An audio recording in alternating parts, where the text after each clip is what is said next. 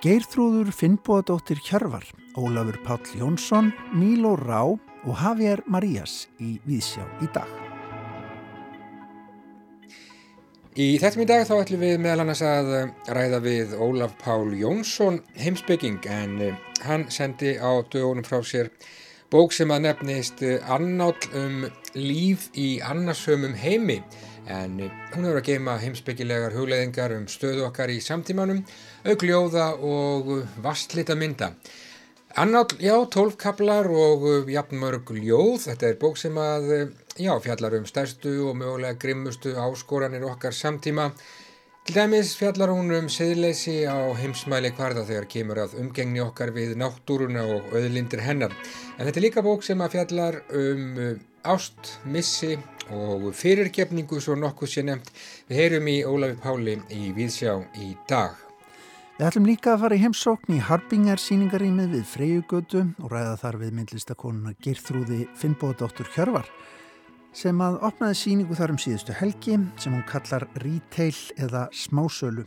Girþrúður velti fyrir sér fagurfræði nýjunda áratugurins á síningunni á samt svo sem ímsu fleiru.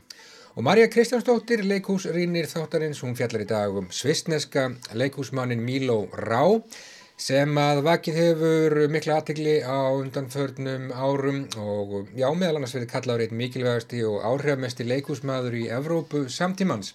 Rá hann er, já, leikstjóri, eh, bladamadur, rítgerðasmiður og fyrirlesari og já, við heyrum meira af honum í þættinum í dag. Og bókvíkunar að þessu sinni er skaldsagan Ástir eftir spænska réttundin Javier Marías sem kom út fyrst á Spáni árið 2011 en í íslenskri þýðingu Sigrúnar Ástríðar Eiríksdóttur árið 2012. Þessi bók var meðal annars valin bók ársins 2011 af gaggrinendum spænska blaðsins El País, Javier Marías Auðvitað einn eh, fremsti réttöfundur spánar og hefur verið það lengi. Hlustundur heyra í Sigrúnu í þætti dagsins. En við byrjum á því að fara í hjólatúr út í bæ og hitta myndlistakonu sem að opnaði síningu um síðustu helgi. Hjólatúr í gegnum miðborgina í Reykjavík fyllir mann kannski smá í spjart sinni á svona fallegum degi. Veðrið er gott Það er framkvæmda gleði í loftinu. Það er verið að ditta að hansi viða, þrýfa gödunar og svo framvegis. Gera upp húsnaði í miðborginni. En listalífið, það er líka að fara hægt og rólega að stað. Það er búið að opna söpnin. Það er að fara allir varlega þessi dana. Og frjálsa myndlistasinnan er líka að taka við sér Hér í síningaríminu Harbinger við Freyjugötu er Geirfrúður Fimbóðdóttir Hjörvar. Hún opna síningu bara núna um helgina sem heitir Retail. Já, smásala. Maður kikið heimsóttilinnar.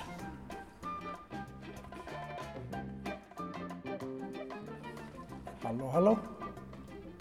Sælblössuð. Geirfrúður, nú spyr ég bara beint út. Þú er búin að koma þér fyrir með síningur sem heitir Retail, smásala. Er stórum búðakona? Já, ég menna hver er ekki búðakona í nútíma samfélagi. Já. Þetta er, byggir svolítið mikið upp á, á það að hérna, vesla, eða ekki? Það er allir að selja eitthvað? Það verður störa einhvers konar lögumál hér í, í hérna, nútíma samfélagi. Segð mér hans frá hugmyndina baki þessar síningu. Það er svolítið erfitt að segja það svona í stuttum orðum. Uh, ég get sagt það að ég var að innblástri af búðar menningu og hérna sérstaklega búðar útstillingum. Mm -hmm. Þetta er náttúrulega skeður þegar maður er bara hérna á það til að lappa um, mm -hmm. um borgir. Um, þá er þetta einn helst afþreying sem er til, það er að skoða vörur og, og þá verður þetta í raun mjög áhugavert, þessi hérna fagufræði útstillingar og náttúrulega vörunar sjálfar. Við erum öll hérna uh, sleppur enginn við hérna vörublæti. Það er einhver sem er búin að finna eitthvað sem er höfða til manns. Það er bara það mikið fjárfest, orgu, peningur og svo framvegis.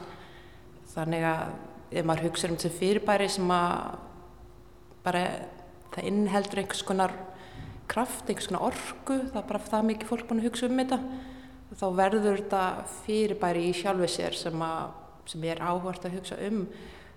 Er ekki alltaf verið að selja manni óþarfa og mikið? Eða eitthvað? Það, ég hef ekkert um það að segja svo sem hvort það þarf við óþarfið. Þetta er náttúrulega snýst um einhvers konar blæti, commodity fetishism.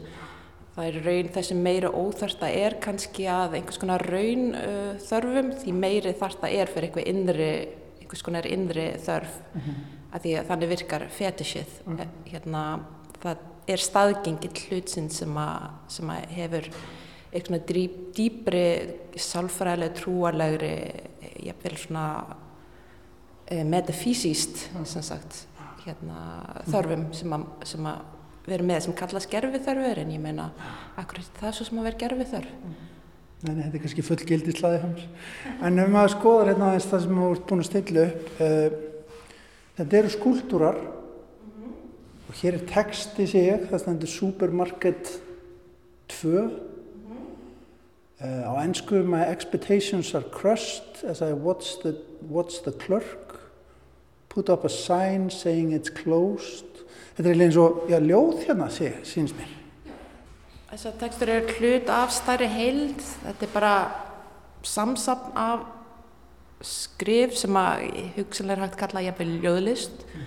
uh, sem fjallar í raun mestmegnist ef ekki, ef ekki öllu leiti um samskipti innan nútíma kapitalist þjóðfélags mm. og það, það að hérna býði í byðröð í búð þetta er hérna svolítið stór hlutar af okkar upplöfunar-einslu mm -hmm. og hérna þetta fór að vera áhvert, það er raun svo mikið frustration. Hvað er það íslensku? Frustration? Já, svona einhver spenna, upp, uppið spenna.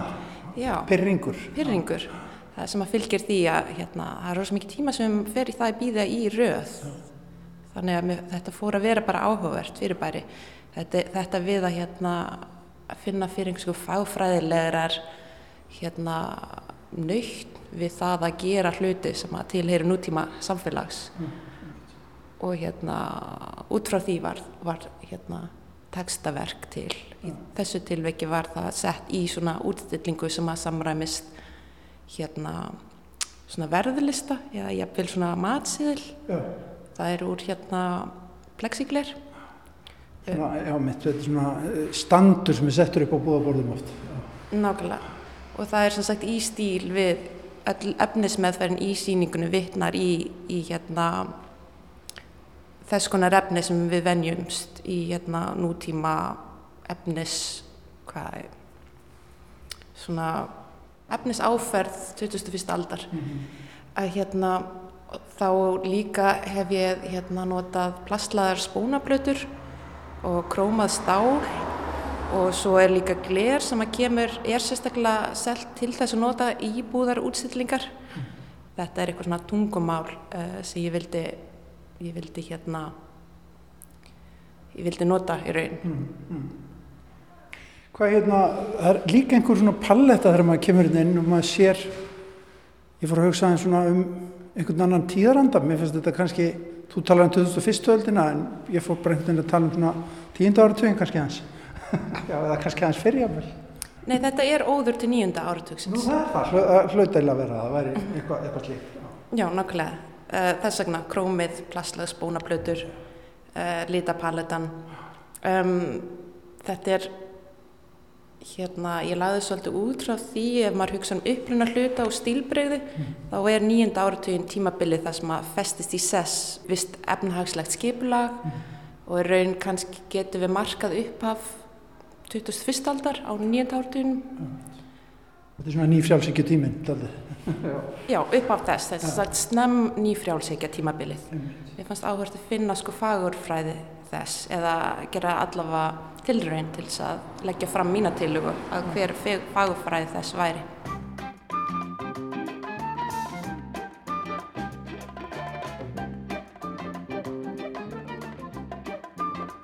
Það var reyndar talað um COVID þá, þá er allir náttúrulega með smá ágjur hvort að það sem þeir gera verður einhvern veginn ekki relevantlingur en hérna þannig að þetta var svolítið fyrirlegt að allir búður byrjaði að loka og hérna fjalla um sagt að vera í byðruð en svo allt í einu var bara ekki hægt að vera í byðruði það var farin að vera miklu hlaðnar á einhvern annan hátt merkingu.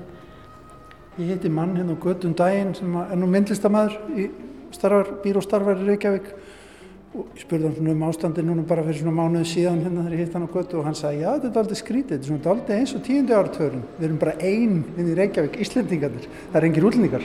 Nákvæmlega, þetta er mjög svo. Og líka þetta, það er eitthvað svona eitthvað svona að því fólk hefur ekkert endla neitt til skemmtun hvað var þar afþreng þá er þessi tilneying að þurfa að finna upp á eitthvað til að gera sjálfur.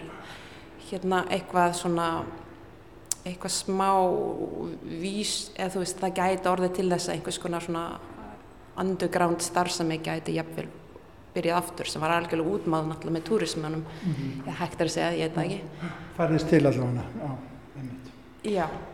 Hvað hérna, sko, ég sé hérna ljósmyndir sem eru eiginlega settar inn í glerborð sem er svona einmitt mjög hérna, 90's legt finnst manni. Uh, er þetta ljósmyndir sem þú tekur sjálf? Já, um, já og nei, þetta er allra floknar en það. Um, þetta er sko þrývita mótil af skuldur af, sem inniheldur ljósmynd sem ég tók. Uh, ljósmyndin í mótilinu er tryggt á raun spónaplötu eða kannski MDF Já. og þær plötur eru sett saman eða skori í þá þannig að tvær plötur eru samsettar til þess að mynda x-laga form sem er stendur þá upprétt. Getur staðið út á gólfi? Já, nákvæmlega. Uh, og svo er bætt við það hérna gardínur sem sagt hérna, ástæðan fyrir því er að því myndin inn í verkinu er í raun ljósmynd af húsgagnabúð, glugga af húsgagnabúð sem minni heldur líka plakkat fyrir auglýsingu fyrir húsgagnum. Mm. Þannig að hérna, þetta, var, þetta er raun skuldur sem fjallar um hérna, yfirborð hlutana og vestuna menningar mm -hmm. og þetta er sko fjórir flétir, þetta er raun sama hluturinn en hérna ég tek mynd af mótilinu frá fjórum mismundur hliðum. Það eru ofan að baka til að framann og að neðan. Ég fer að hugsa um eiginlega það hvernig kúpistarnir síndur hlutina frá mismunandi sjónarhaldum, oft í sínum málverkum. Að þeir voru að taka saman hlutin, brjótan upp og raða hann svo aftur saman. Það er rétt. Já. Ég þarf eitthvað ekki að hugsa um það saman ekki, ég þarf bara að hugsa um rókókó. Þannig að það er þetta vísi ímsar áttir. Já, en þetta er sem sagt einhver, einhvers konar óður til bæði tíma og til atvinnustarfsemi, það er að segja smásölunar. Þetta er náttúrulega óður til neyslumenningar í heilsinni. Ég heit ekki, er ekki allir svona ásthatur sambandi við, við það. Eitthvað hlýtur þetta að gefa manni, að því að við erum ekki farin aftur út í, þú veist, hérna the grid, eða mjög fá, fáir okkar. Mm -hmm. Hérna, þannig kannski er þetta aðeins svona ástarljóð til þessara menningar. Mm en á sama tíma er þetta hérna er það náttúrulega aðeins meiri hlaðið það er að segja. Það er líka, ég er að gaggrina við sann hátt að einhver leiti hversu sjálfhverft kerfið er. Á einhverju stíi fyrir kerfið bara snúist um sig sjálft. Hvort ég sé að selja eitthvað kannski bara að selja einhvers konar sjálfs meðvundund um mm. þetta ástand. Um, á plexigler skúldurinnum þá er þrygt mynd sem er leirtabla frá tíma Babylon tímabilsins mm -hmm. og þetta er sem sagt fyrsta customer complaint í mannkynnsögunu sem hefur enn varðveist Fyrsta kvörtunin? Hvað yfir hverju var verið að kvarta? Þetta er sem sagt maður sem að seldi kopar og sem sagt í smásölu gerir ráð fyrir en heilsalinn hafi illa bröðist honum og selt honum kopar sem var fyrir neðan sem sagt gæði viðmið mm. Og þetta er mjög, mjög reitt bref um það hversu hérna hversu hérna svíkin hann var. Nákvæmlega. En sama tíma þessi reyðu bref til sem sagt uh, þeirra sem maður áttu viðskipti við það, það minnir maður helst svona á e-mail sem maður myndi senda. Það er svona eitthvað svona sérstækt form það sem maður þarf að mm tjá það hvað hérna fór úrskeiðis. Mm -hmm. Og hefur 150 orð í það eða eitthvað, já, svona netinu oft. Eitthvað álíka en þessu þurftu svolítið meiri að hafa fyrir því að senda sína, sína kvörtun. Steintabla. Já, leirtabla sko. ég 1750 fyrir Krist.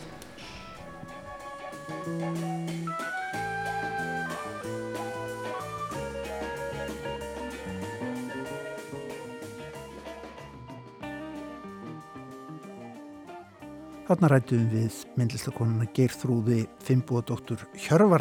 Hún opnaði síninguna Retail eða Smásölu í Harbingar Galleríi um síðustu helgi. Síningin er opinn 50 daga til sunnudags milli 2 og 5 eða samkvæmt samkommulagi. En Marja Kristjánsdóttir, leiklistarínir þáttarins, hefur verið að velta fyrir sér merkilegum erlendum leikhúsmanni svisneska leikúsmanninum Míló Rá. Hún ætlar að segja okkur nánum frá honum. Það er tventengum sem vekur aðtegli leikúsunnanda í sóttkvinni í einverinni á googlunum. Annars vegar svo staða listamann og leikúsmanna að vera sviftir áhöröndum, áhöröndum og víse versa. Hins vegar svo vonsumra að mennirni muni skapa nýjan heim þegar óttanum undan tekningar ástandinu linni. Ymsir hafa tjáðsugum þau mál. Engin íslenskur hefur þó fyllt í fútspór þíska leikúsgúrusins Franks Kastorf, leikstjóra og fyrverandi leikússtjóra af fólkspinn í Berlin, sem þýstir í að fá að starfa. En í viðtalum í spíkel leta hann hafa eftir sér. Ég læt ekki frú Merkel segja mér að þó mér um hendunar. Hann bætti óum betur og krafðist almennrar andspilnu gegn þeim hömlum sem koronavírusin hafi haft í förmið sér. Það er alltaf sorglega, sagði Kastor, þegar einhver degir líka eldra fólk. En þannig er það nú bara og við sitjum uppi með það. Við erum fætt með dauðanum. Það er heimsbyggileg klísja. Leikúsið er til að minna okkur á að við getum ekki komist undan því að deyja. Ég hef heldur ekki orðið vörði hér á landi þær hugmyndir sem annar leikstjóri og höfundur frá Berlin, hins vissneski Míló Rá, hefur sett fram um leikhúsið eftir korunu. Sá var stattur í Brasili og seti upp antikónu sófóklesar með frumbyggjum í Amazon-rekskójunum þegar hann þurft að hverfa þaðan í miðjum klíðum, gallaður heim vegna veirunar. En hver er hann þessi Míló Rá? Ég hef dálæti á tilvitnun sem held ég er höfð eftir Tjeke Vara. Mannkinsagan finnur okkur þar sem við erum fætt. Hvað mig árherrir þá ólst ég upp í Sviss og í 15 ár hef ég lifað, það gerir ástinn og vinnan, mestmægnis í Þýskalandi og Belgíu. Hvað er ég þá? Ég held ég sé og verði svissnesku reytöfundur. Í því sem ég framkvæmi er ákveðin svissnesk blinda, svissnesk græðki, svissnesk sjálfumgleði, svissnesk viðkvæmni, lítið svissnest hjarta. Og bæta má við, hann er kvítu kallmaður, fættur árið 1977 í Bern. Nam félagsfræði þískar og franskar bókmyndir í Paris, Zürich og Berlin. Starfaði jáfram sem bladamaður og hefur ferðast víða. Frá 2002 hefur hann byrkt um það byrj 50 leikverk, kvikmyndir, bækur og sínt verk á stærstu leikusháttuðum Evrópu. Hann hefur starfað sem rítumdur og leikstjóri í atvinnuleikúsum í Berlín, Paris og í München. Hann hefur sett upp klassísk verk, skrifað stúdjur um glæp, samlegt andlegt líf Evrópumanna, en þekktastu kannski er hann fyrir starfsitt í þriðja heiminum. Hann setti til dæmis á fót alþjóða viðskiptadómstól í miðju borgarastriðinu í Kongo, þar sem réttað var yfir hinn stóru námu samstipum og dómur svo feldur sem var í hag þeirm sem hraktir höfðu verið af landsvæðum sínum. Í Moskvu sett hann úr svið með Pussy Riot málaferli gegn Putin og í Berlin kallaði saman heimsaldingi fyrir alþjóðlegu þriðju stettina, undirrokaða fólkið í þriðja heiminum. Á Ítalíu hrindan að stað uppreist virðingarinnar á tómataegrunum sem mafjánstjórnars. Margar viðurkenningar hafa honum hlotnast, lofaður hefur hann verið og lastaður. Árið 2018 var hann leikustjóri þjóðleikhúsins í Gent. Manifesto leikúsins í Gent 1. mæ 2018 1. Nú er ekki nöðsrilegt lengur að draga upp mynd af heiminum. Nú er nöðsrilegt að breytonum. Markmiðið er ekki lengur að draga bara upp mynd af raunveruleikanum, heldur að gera það sem er sínt raunsætt. Tvö, leikúsið er ekki afurð. Það er framleiðsluferli, gagnasöfnun, hlutverkarskipan, æfingar og tengdar umræður verða að vera aðgengilegar ofinberlega. Þrjú, þeir einir eiga höfundaréttin sem taka þátt í æfingum og síningum hvaða verk svo sem þeir vinna. Fjögur, bókstafs aðlögun klassískra höfunda er bönnuð. Ef að stuðst er við texta, hvort sem það er bók, kvikmyndi eða leikrit, má hann aldrei vera meira en 20% á loka síningatíma. 5. Að minnstakosti einn fjóriði æfingatíma þarf að eiga sér stað utan leikúsbyggingarinnar. Leikúsrými er sérkvæmt rými þar sem leikrit hefur verið æft eða sínt. 6. Að minnstakosti tvö tungumál verða að vera töluð á leiksviðinu í sérkværi framleiðslu. 7. Að minnstakosti tveir leikarar á sviðinu meiga ekki vera atunleikarar. Dýr er ekki talin þar með en þau eru velkomin. 8. Leikmyndin má ekki vera fyrirferða meiri en 20 kubikmetrar. Með öðrum orðum þá vera hægt að kominni fyrir í flytningabíl sem krefst einungis venjulegs aukuðskistinis. 9. Að minnstakosti eina síningu á hverju leiktímabili verður að æfa og flytja á átaka eða stríðssvæði þar sem engin innri menningarstruktúr er fyrir hendi. 10. Sérkverja síningu verður að sína á minst 10 stöðum í minst þremur löndum. Engin síningu eru tekin af dagskrá Gents leikúsins fyrir þeirri tölu hefur verið náð. Ég varði ekki eitthvað sem má kalla listamæður fyrir en langt komin á þrítusaldur. Í upphafi starfs mín sem leikstjóra seint á tíunda áratögnum var ég einlega hreinræktaður aðgerða sinni. Við skipulögum fjöldamótmæli gegn engaveðingunni sem var að hefjast innan ofnbergeirans og gegn flótamannapólitíkinu á þeim tíma. Með serbneskum, frönskum, söður-amerískum og rúsneskum aktivistum. Spurningarnar sem ég glýmdi þá við voru mjög praktískar. Hvernig er best að byggja upp 5.000 manna mótmælagöngu? Hvernig er best að skipulegja fundi í rekskóinum með hermunum sapatista? Hvernig orðamaður kröfur eða manifesto þannig að orðin hafi áhrif? Á sveipuðum tíma þá í námi hjá Pierre Bourdieu í París og gegnum starfmiðt sem bladamæður greip mig einhvers konar veruleika fíkn. Ég vildi fara þangað sem ég geti hort á hlutina líst þeim augliti til auglitis og barist gegn þeim. Ég fór sem sagt að ferðast til Afríku, Suður-Ameríku, til Rústlands og vinna því sem ég kalla í dag veraldar raunsægi. Að lýsa þessu innra rými auðmaksins sem spannar allan heiminn. Lýsa martröðum þess og vonum, undirheimum þess og andheimum. Sennilega er það þessi meðvitaða áhættusækni ásamt í miður hinnum meðfætta smáborgarlega óta um að mistakast sem að bindur saman verkefni mín og gerur þau raunveruleg fyrir mig. Míl og Rá gefur ekki mikið fyrir þær hugmyndir sem Evrópubúar hafa verið að setja fram um friðsalla ástrykara samfélag sem rýsaminu upp eftir sóttkvína. Hann bendir á að eitthvað í þá beru hafi franska drottningin Maria Antoniette líka ímynda sér framtíð sína sem endalösa jókatíma elítu sem hefur látið fjallaga sögulega heimsbyggi úr heilanum. En það var bara á öðruvísi. Hinn er hungruðu, masseruðu úr útkverfunum og inn í hallirnar og höfuðið flög af Marie Antoinette.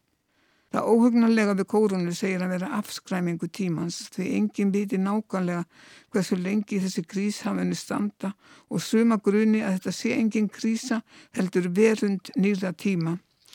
Kórunan leiði inn að varla sér teki eftir því, undantekningar ástand sem er ekki brot á reglinu heldur staðfesting nýrar postmannúðar síðmenningar. Það síks ástands.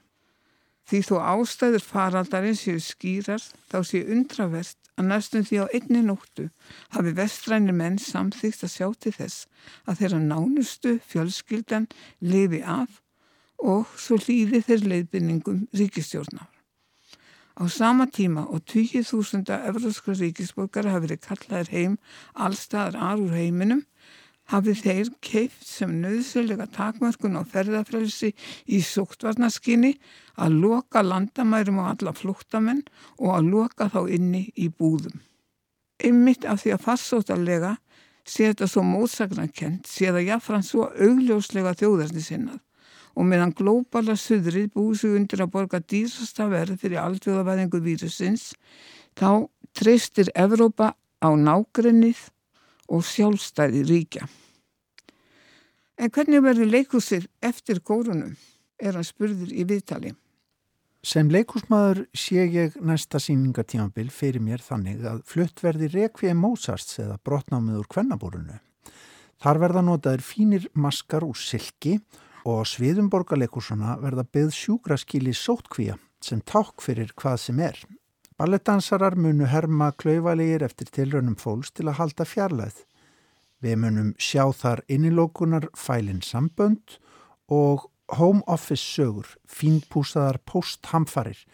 Pestin eftir Albert Camus verður mest leiknaverkið næsta ár og því fylgja nútíma leikgerðir af Decameron og fyrirlestrum Foucault um biopolítík.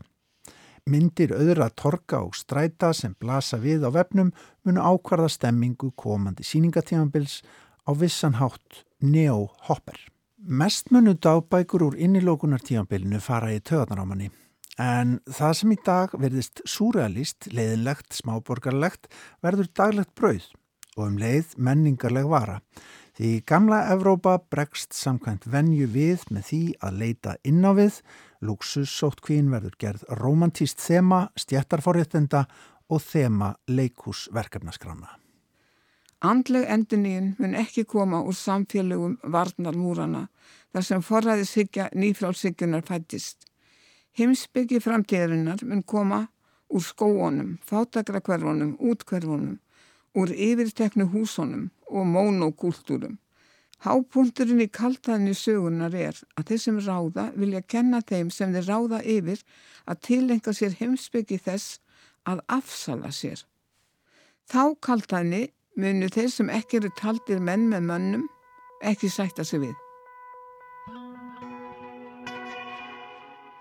Sagði Marja Kristjánsdóttir um svistneska leikúsmannin Míló Rá sem að Já, hefur vakið mikla aðtegli á síðustu árum og þykir áhrifa mikill og engar mikilvægur einhver mikilvægasti leikúsmaður Evrópu um þessar myndi segja einhverjir. En bókvíkunar að þessu sinni uh, hér á ráseitt hún er ekkert sérlega slæm, skálsagan Ástir eftir spænska rítöfundin Javier Marías. Marías, einn virtasti rítöfundur spánar nú um stundir og uh, hann hefur sendt frá sér á annan tög bóka, skálsugur, skriða smásögur og réttgerðasöfn. Marías hefur um árabil verið fastur penni við spænska dagbladið El País en uh, hann er líka afkasta mikill þýðandi mjög og hefur þýtt. Verki eftir marga helstu höfunda, breskra og bandarískra bókmynda, höfunda á borð við Henry James, William Faulkner, Latimir Nabokov, William Shakespeare og Lawrence Stern, svo einhverjir séu nefndir. Ástir er einaskálsaða Marjas sem hefur komið út á íslensku, en þekktasta verk hans er líklega þríleikurinn Andlit þitt á morgun sem kom út á árunum 2002 til 2007 og um, já, svumir töluðu um þetta verk sem fyrsta meistaraverk bókmyndana á 20. og 1. öldinni og um, það hefur gert það verkum að Javier Marías hann er gerna nefndur þegar menn spekulara í því hver fái Nobelsvelun í bókmyndum. Við skulum grýpa niður í viðtal sem að um, Elisabeth Indra Ragnarstóttir átti hér í Víðsjá í februar árið 2013 við þýðanda bókarinnar en Bókin kom út í íslenskri þýðingu Sigrúnar Ástríðar Eiríksdóttur árið 2012. Við skulum hlusta.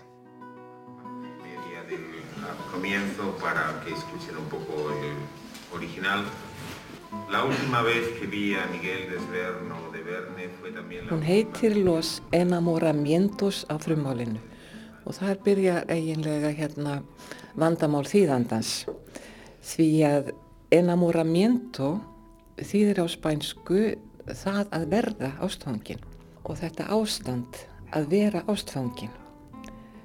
Og þetta orð er ekki til í mörgum tungumálum enda kemur höfundurinn eða, eða hérna, frásagnarmadurinn inn á þetta í, í, í sögunni. En þannig að þetta fjallar um það en ekki bara það. Þetta er hérna þetta er saga um um uh, ástina og, og dauðan hún er um svík hún er um vináttu. Það, hún, er, hún er afskaplega innihalsrík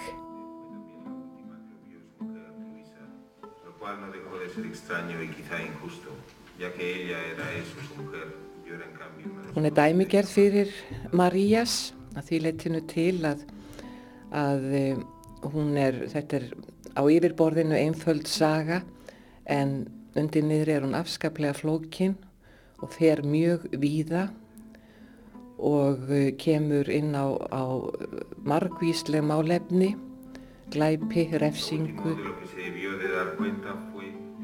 Sögumæðurinn er uh, svona stendur pínluti fyrir utan atbyrðuna, svona allavega, allavega framan af að hún svona tólkar fyrir okkur hvað ber fyrir augu. Jú, hún stendur þarna fyrir utan og, og hérna og fylgis með. Sagan hefst á því að hún segir frá því hún er á kaffihúsi sem hún sækir hérna helst alla mótna vegna þess að þar e, koma, venja komu sínar hjón sem eru á, ákala ástfangin og hún hefur gaman að því að fylgjast með þeim. En e, hún bara tólkar þeirra veru leika í raun og veru því að hún, hún þekkir þau ekki, hún heyri aldrei nema slítrur úr samræðin þeirra. En, e, og, en, en sem sagt engu að síður Þetta, þetta er brot af veruleika sem henni byrtist þarna. Og, og, og fleira er sem þarna kemur áfram haldandi í sögunni með, e, með það að hún e, horfir á, hún tólkar, hún hlustar á það sem henni er sagt en hún getur aldrei verið viss um sannleikan, ekki frekar en, en menn yfir leitt því að Þetta er náttúrulega þannig að, að veruleikin sem við sjáum og skinnjum, hann eru þetta alltaf huglegur og við getum aldrei verið alveg vissum nokkur skapaðan hlut, ekki einu sinn okkur sjálf. Og hann gerir þetta gerðan í sínum verkum, sögumöðurinn er það sem er að, að tólka veruleikan. Jú, jú, þetta er eiginlega bara held í öllum hans verkum að við sjáum þetta og, og það er auðvitað bara ákveðin lífsín eða lífsviðhorf sem kemur fram í, í því að hann velur þetta sjónarhótt. Þegar ég sá Miguel de Svern eða de Verne í hinsta sinn, sá Luisa konan hann líka í hinsta sinn. En það var svo litið undarlegt og eftir vill ósangjant, því að hún var konan hans og ég var aftur á móti ókunnu manneskja sem hafði aldrei skipst á orðum við hann. Ég vissi ekki einu sinni hvað hann hétt, Ég komst ekki að því fyrir nóf seint þegar dagblöðin byrtu myndin af honum stungnum með hnífi í gauðrifinni skirtu og í þann vegin að verða liðið lík ef hann var ekki þegar orðin það í sinni eigin fjárstöttu vitund sem snýri aldrei aftur. Það síðasta sem hann hlauta hafa áttað sig á var að einhver var að stingan með hnífi fyrir miskilning og að tílefnis lausu. Það er að segja af tómri flónsku og auk þess hvað eftir annað, bjargar lausan, ekki bara í eitt skipti, til að riðjónum úr vegi og hrekjan tafarlaust af jörðinni, þar og þá. Of seint fyrir hvað, spyr ég sjálfa mig. Sannleikurinn er sá að ég veit það ekki, en þegar einhver deyr, hugstum við að nú sé allt orðið of seint, hvað sem er, sérstaklega bíðans, og við afskrifum hann. Það sama gildir um okkar nánustu, þó að það sé miklu erfiðara og við grátum þá og séum við huga með þá þegar við göngum um göturnar og erum heima og höldum lengi að við munum aldrei venjast því. En við vitum frá upphafi, frá því að þeir deyja frá okkur, að við getum ekki lengur gert ráð fyrir þeim, ekki einu sinni til að gera eitthvað smávægilegt, ringja ómerkilegt símtal eða spyrja kjánalegra spurningar. Skildi ég bíliklan eftir, klukkan hvað fóru krakkarnir í morgun, ekki til að gera nokkurt skapaðan hlut. Alls ekki neitt. Í raun er það óskiljanlegt því að það felur í sér fullvissu og fullvissan stríðir gegn eðli okkar. Um að einhver komi aldrei aftur, segi aldrei framann neitt, stýi aldrei framann nokkurt skref, hvorki til að koma ég fara, horfi aldrei framar á okkur, líti aldrei framar undan. Ég veit ekki hvernig við þólum það eða hvernig við jöfnum okkur. Ég veit ekki hvernig við getum stundum glimti því að tímin er gengin um garð og hefur flutt okkur frá þeim sem reyfa sig aldrei framar úr stað. Ni siquiera sabía su nombre, lo supe solo cuando ya era tarde, cuando apareció su foto en el periódico apuñalado y medio descamisado y a punto de convertirse en un muerto. Si es que no lo era ya para su propia conciencia. Þess að þú myndist að þá er þetta kollegiðinn, Javier Marías, hann er þýtt mikið og þú segir mér að það, það er flókið mál og erfitt að þýða hann yfir á íslensku. Já, það, það er, er ekkit áhlaupaverk að, að þýða hann á íslensku. Hann, hann er mjög nákvæmur stílisti, hann greinilega velur orð sín af, af mikillir nákvæmni, hann skrifa líka langar setningar, mjög langar setningar sem eru floknar og í þeim er ákveðin hrinjandi og það er eiga það jáfnvel til að fara út um víðan völl. Og þessu þar maður einhvern veginn að henda reyður á og passa sig að, að missa ekki þráðinn, að eh, sleppa engu en um leið að, að láta þetta hljóma vel á, á okkar tungumáli.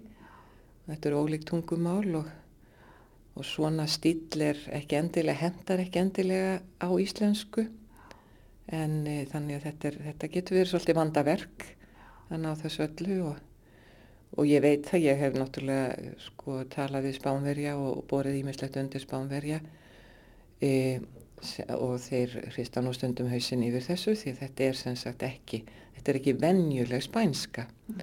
og mér stundum hefur mér dottið í hug e, hvort hann væri að einhverju leitundir áhrifin frá ennsku þar að segja að mér finnast oft þessar setningar minna mig á ennskuna sem er ákvæmlega, ákvæmlega orð, margt og flókið tungumál og, og spænskan er það líka en ekki eins. Ennskan og spænskan eru náttúrulega mörguleiti skildmál og það eru oft kvarlað að mér að það væri svona að, hérna, að skrifa spænskuna upp á ennst plan ef svo má segja, þetta er nú kannski bara hugarburður þýðandans. Inn í, inn í tungumál Shakespeare. Já, kannski. En svo náttúrulega líka eins og, eins og að tala um með þennan, þetta sjónarhort uh, tólkandan sem er í rauninni eins og myndavél sem er að reyna að skrásetja veruleikan og þá verða lýsingarnar oft mjög nákvæmar. Það verða það, þetta er náttúrulega bara raunsægi að bestu gerð mm. og þetta, þetta er, hann er mjög raunsægur höfundur þó að, að hlutinir það sem þarna gerist er hérna, já getur verið með ólíkindum kannski en þessu er öllu lísta ákvæmlega raunsægan hátt og, um, og þetta með hvernig hann, hann vittnar í aðrar bókmyndir þetta er uh, bókmyndirna verða þá bara hérna, ja, gilda lífinu sjálfu eru lífið sjálft Hvernig myndur þú svona staðsetja þessa bók á hans uh, höfundaferli? Er þetta svona í, í beitni samfellu svona við til þess að þríleik sem þú nefndir? Hún er það að mörgu leiti. Þetta er minni saga henn er ekki ætlað að vera nema þessi eina, eina saga en eh, ég held að mér finnst þetta að vera alveg bara samfella. Hann er ekkert að fara út fyrir e, það sem hann hefur skrifað áður. Þetta er bara eðlileg þróun hjá honum sem er í töfundi mm. og e, maður má segja líka eðlilegt að þarna kemur svona stittri saga eftir þennan mikla þrílegg Og þarna var rætt við Sigrunu Ástriði Eiríksdóttur, hún las líka úr bókinni Ástir eftir Javier Marías sem er bókvíkunar á ráseitt að þessu sinni. Umsjónamaður þáttarins bókvíkunar er Jórun Sigurðardóttir en viðmælendur hennar á sunnudagsmorgun verða Herman Stefánsson Rittvöndur og Katrín Hardadóttir Þýðandi. En við hugum áfram að bókum Eiríkur fekk forvitnilega bóki hendunar á dögunum og hann hitti strax höfundin. Við vorum að fá í hendur uh, aðteglisverða bók sem að heitir Annáll um líf í annasömum heimi. Þetta er bók eftir Ólaf Pál Jónsson, heimsbygging. Uh, já, annáll, uh, eitt kapli fyrir hvern mánuð ársins, brotið upp allt saman með frumsömdum ljóðum. Og já, þetta er einhvers konar, já, réttgerðasapt sem að fjallar bara um, held ég, stöðu okkar í samtímanum hér og nú. Þetta er bók sem fjallar um uh, jörðina sem við eigum og förum illa með. Þetta er bók sem fjallar um bröðl, fyrirgefningu, missi og raunar svo margt, margt, margt fleira. Ólafur, uh, þú talar um í byrjun bókarinnar og talar um, um áskorun sem við stöndum, stöndum fram með fyrir. Og einhvern veginn er nú held ég svona uh, leiðarstefið í gegnum þessa bóku þína já, hugsun um náttúruna og það hvernig við erum að fara með hana og þessi áskorun, já, hún fælst að einhver leiti í því ekki satt að, að bregðast betur við og, og já, haga sér betur. Já, það byrjar náttúrulega eins og segir að með, jú, tala um þessa áskorun og tengist náttúrunni og jörðinni. Mm -hmm. En áskorunin tengist líka því hvernig við bara lifum saman og hvernig við tengjumst já. öðrum. Þannig að það er kannski, áskorun er kannski að rækta tengslinn, bæði við jörðuna og Já, hvert annar. Verða betri samborgari held ég að þú segir, betri manneskja í, í, í, í sambúð með, með öðrum, öðrum manneskjum. Já, og, en þá er þetta líka kannski smá tilvæg mín til að reyna átt að með á því hvað það er að vera manneskja eða Já. góð manneskja og hvað er að lefa vel. Einmitt. Ertu búin að komast að niðurstuðum það? Nei, þetta er svona vonandi einhver varð á leiðinni en, en, hérna, en þetta er líka sko, þetta er kannski meira umhugsun um það heldur en endilega það að komast að niðurstuðin og, og ég er endur svona skrif þetta þannig að, að svona bjóða leysandunum með að bjóðunum upp á að hugsa þetta með mér. Já. En þú ert svolítið að nýpa í okkur. Við náttúrulega veitum það að við við erum að eyða of miklu, við erum að bröðla of mikið, við erum að kaupa óþarfa við við tökum til okkar meira en við þurfum og það er að hafa og mun hafa slæmar afleðingar. Já, það mun hafa skelvilegar afleðingar, þannig að, að hérna... Þú tala um siðlust bröðl. Já, ég tala um það sko að bröðl er siðlust, af því að það er ekki bara heimskulegt. Það er auðvitað heimskulegt að bröðl ef maður hefur ekki efnaði. Mm -hmm. en, en það sem er meinsendin í bröðlunu er ekki bara að hún, það er heimskulegt, það er líka siðlust. Já. Siðleysi á heimsmæli hvarða, segir þú? Já, nú erum við, nú er svo margt sem við gerum á heimsmæli hvarða að hérna, heimurinn er, er, er orðið mæli hvarða allt sko, þegar þér er fornöld, mm -hmm. þegar menn gerur stórkostlega hluti, þá, þá var heimurinn ekki mæli hvarða hlutina. Nei, drápu mann og annan. Já, já, menn gerðu þetta bara mikill eljusemi og, og hérna, jafnvel, jafnvel, hérna, svo hefur verið minnum haft um þúsundir ára en, en þetta voru bara staðbundin ofbeldisverk. Já, nákvæmlega. En allt sem við gerum í dag er einhvern veginn á, á heimsmæli kvarða. En hérna þú lýsir þarna í einum kaplanum uh, rútuferð eða strætóferð norður í land þar sem að þú ert samferða uh, gammalli konu og þið eru að tala um já, stórumálin og, og svona, já þemað í þeim kapla er einhvern veginn, það held ég að, að það sé raun og verið ekki náttúran eða veðrið sem að sé öfgakent heldur séu það heldur séu það okkar eigin hegðun fyrst og fremst Já, maður er oft heyrt þetta þessi núna öfgar í veðrinu til dæmis en þessi gamla kona hún segir að, að það séu aldrei öfgar í náttúrunni vegna mm -hmm. þess að öfgar séu það þegar eitthvað fer út yfir út yfir eðlileg mörg eða út yfir skinsamleg mörg Já. Og og það sem hefur farið út yfir mörgin það er okkar einn hefðun það er ekki náttúra, náttúran er bara eins og hún er. Já, einmitt. Sko þú kemur viða við í, í þessu verki Ólafur, þú ert líka bara að lýsa þínu kundagslífi í, í Vesturbænum. Þú ferð á fótboltaleiki og talar talar við fólk. Þú ert að skrifa um mannréttindi meðal annars í samingi við mál bróðurdótturðinnar sem að heitir Snædís Rán og hefur barist mjög fyrir réttindum fallara svo undir lokin þá ertu nú komin í, í stóru spurningarnar um ástina og fyrirgefninguna og, og eh, já, vittnar meðal annars í þann góða mann Jean-Jacques Rousseau sem að Já, þú segir mér að hann hafi sagt það að brothætt hamingi okkar, hún fæðist af, af veikleikum okkar. Já, ég held að sko kannski stæsta áskorunin er það að geta horf, horfast í augu við bara okkar einn mennsku. Hún er brothætt, við erum brothættar verur Mm -hmm. og ég held að þetta hafi bara verið rétt hjá Rousseau að það er einmitt þess vegna sem við erum færum að njóta hamingju. Já, En hamingjan verður auðvitað brothætt líka og, og hérna, við verðum einhvern veginn bara að takast á við það að við erum særanleg. þú segir eitthvað á þá leið að, að missirinn sé ekki verstur, það að missa einhvern sem maður elskar uh, miklu verra og miklu meiri ógjafa sé að bindast engum og vera, vera sammalt. Já, það held ég að sé hinn hin alversta ógæfa. Þetta er mikil ógæfa að missa en að komast aldrei einu svona í þá stöðu að geta mist nokkuð skapaðan hlut það er, það er ennþá hryggilegra. Já. Það er einhvern veginn ennþá ómanniskulegra. Þú segir að maður er ekki að jafna sig eftir missi. Nei, Maður er ekki að herða upp hugan. nei, maður á að herða upp hugan ef maður róblar sig á nýje, Mm -hmm. dettur á hjólinu eða eitthvað svo leiðis. Uh -huh. En, en sko þetta með að maður er alltaf að jafna sig, sko mann, manneskjulegt líf er ekki líf sem er eh, einhvern veginn bara jafnt. Nei. Þegar maður verður ástfanginn þá maður ekki að jafna sig, maður bara að elska.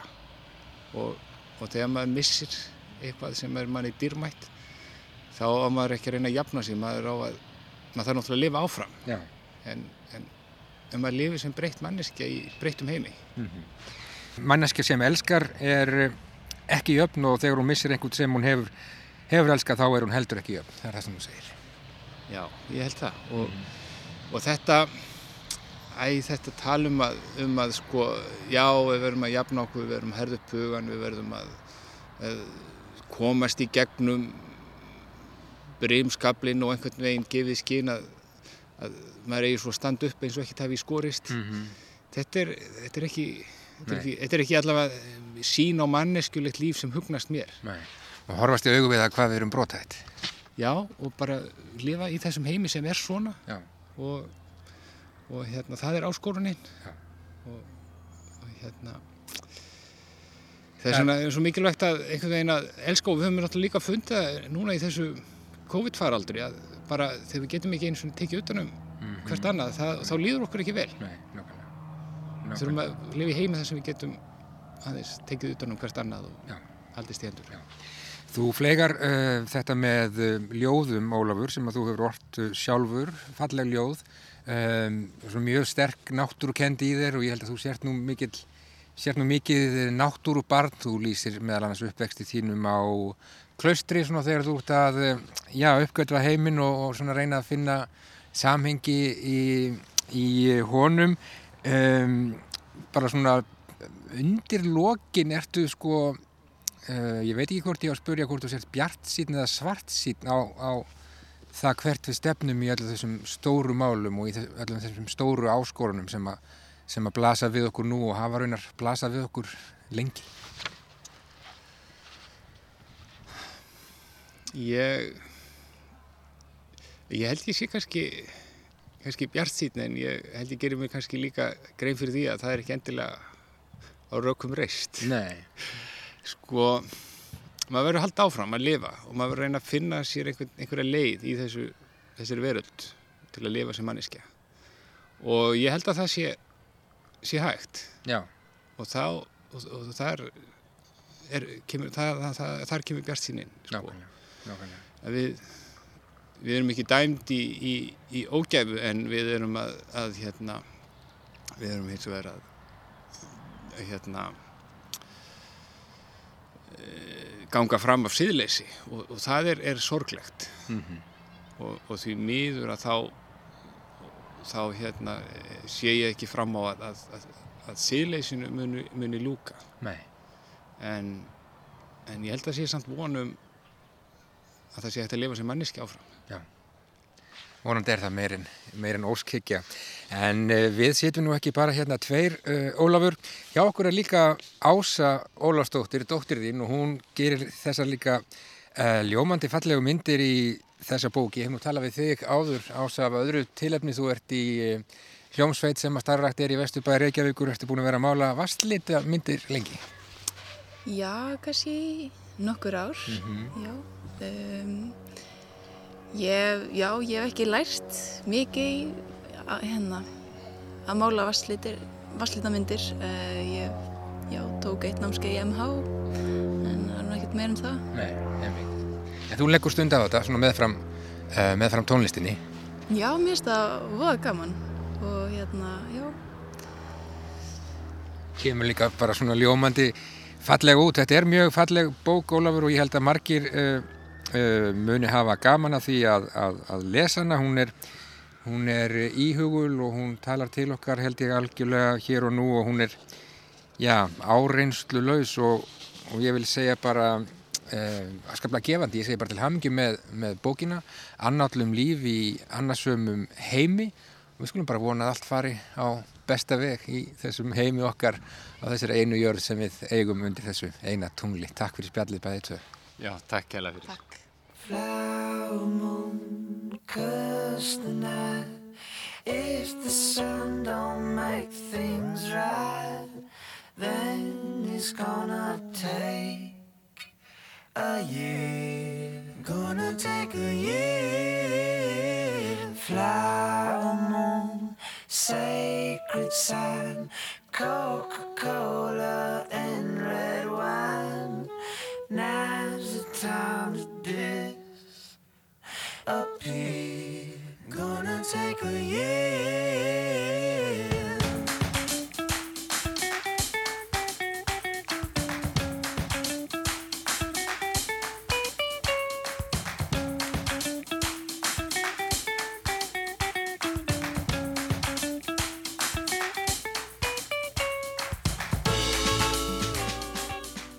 Og á þessu viðtali við Ólaf Pál Jónsson, heimsbygging líkur við sjá í dag.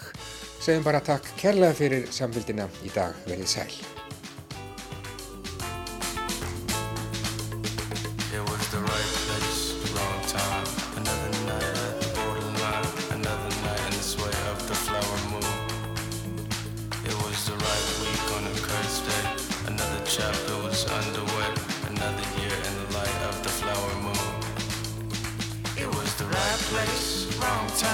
Another night at the borderline. Another night in the sway of the flower moon. It was the right week on a cursed day. Another chapter was underway. Another year in the light of